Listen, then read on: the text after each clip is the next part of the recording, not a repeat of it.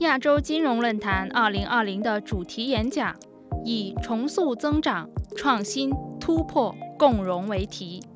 泰国财政部长亦参与其中。Minister, you've been talking at the opening plenary session, day one of the Asian Financial Forum, and really looking at the prime message here at the forum. Uh, redefining economic growth is very much uh, the core of our national development uh, strategy today.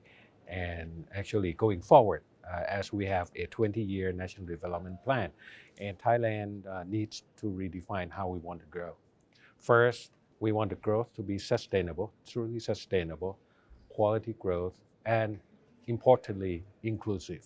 Uh, Thailand is a nation of 70 million people, and we need to make sure that uh, we move forward together.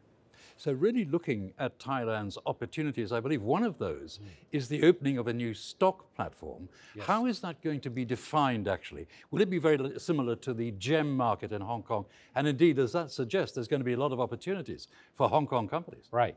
There are some similarities. Uh, the third exchange uh, will cater to startups, smaller SME, the uh, MMSME, you know, and, and, so on. It will be sort of a crowdfunding platform, but it will not only serve as an exchange, you know, for uh, fundraising. It will also serve as a development platform for startups and so on. So that's a third exchange, and it will promote international participation. So I'm sure that there will be a lot of opportunities for uh, Hong Kong in terms of uh, uh, investors, uh, private equities, venture caps, and also for our business operators, the SMEs, the smaller guys, the startups to connect. Does this also fit in really with the Hong Kong ASEAN Free Trade Agreement? Because that suggests there's going to be a lot of uh, coming and going where it comes to corporate affairs across ASEAN and to Hong Kong as well. Yes. Do you see that arising within that oh, same framework? Definitely. Uh, the, uh, the program that I've just described would very much fit in and support the uh, Hong Kong ASEAN free trade agreement uh, in multiple ways, not just uh, financial, but also in investments across all sectors. How do you view also the Greater Bay Area, the uh, Guangdong, Hong Kong, Macau Greater Bay Area, and the Belt and Road Initiative? Does all this fit together along with the free trade agreement that Hong Kong has? Yes, very much so. Uh, the Belt and Road sort of uh, uh, uh a fundament, fundamental initiative that's been launched.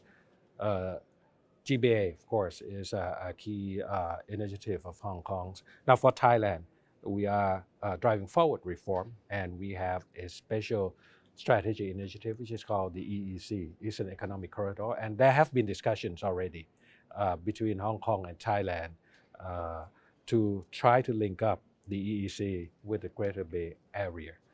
We'd like to talk about uh, business leadership, thought leadership, and also, of course, the idea of business networking here at the Asian Financial Forum 2020. Mm-hmm. Do you see that around you as you come through the summit, as it were? Oh, very much. The atmosphere, you know, everything. You can see that uh, uh, uh, uh the dyma- dynamism, you know, uh, that people are vibrant and the business uh, opportunities that can occur during this particular week.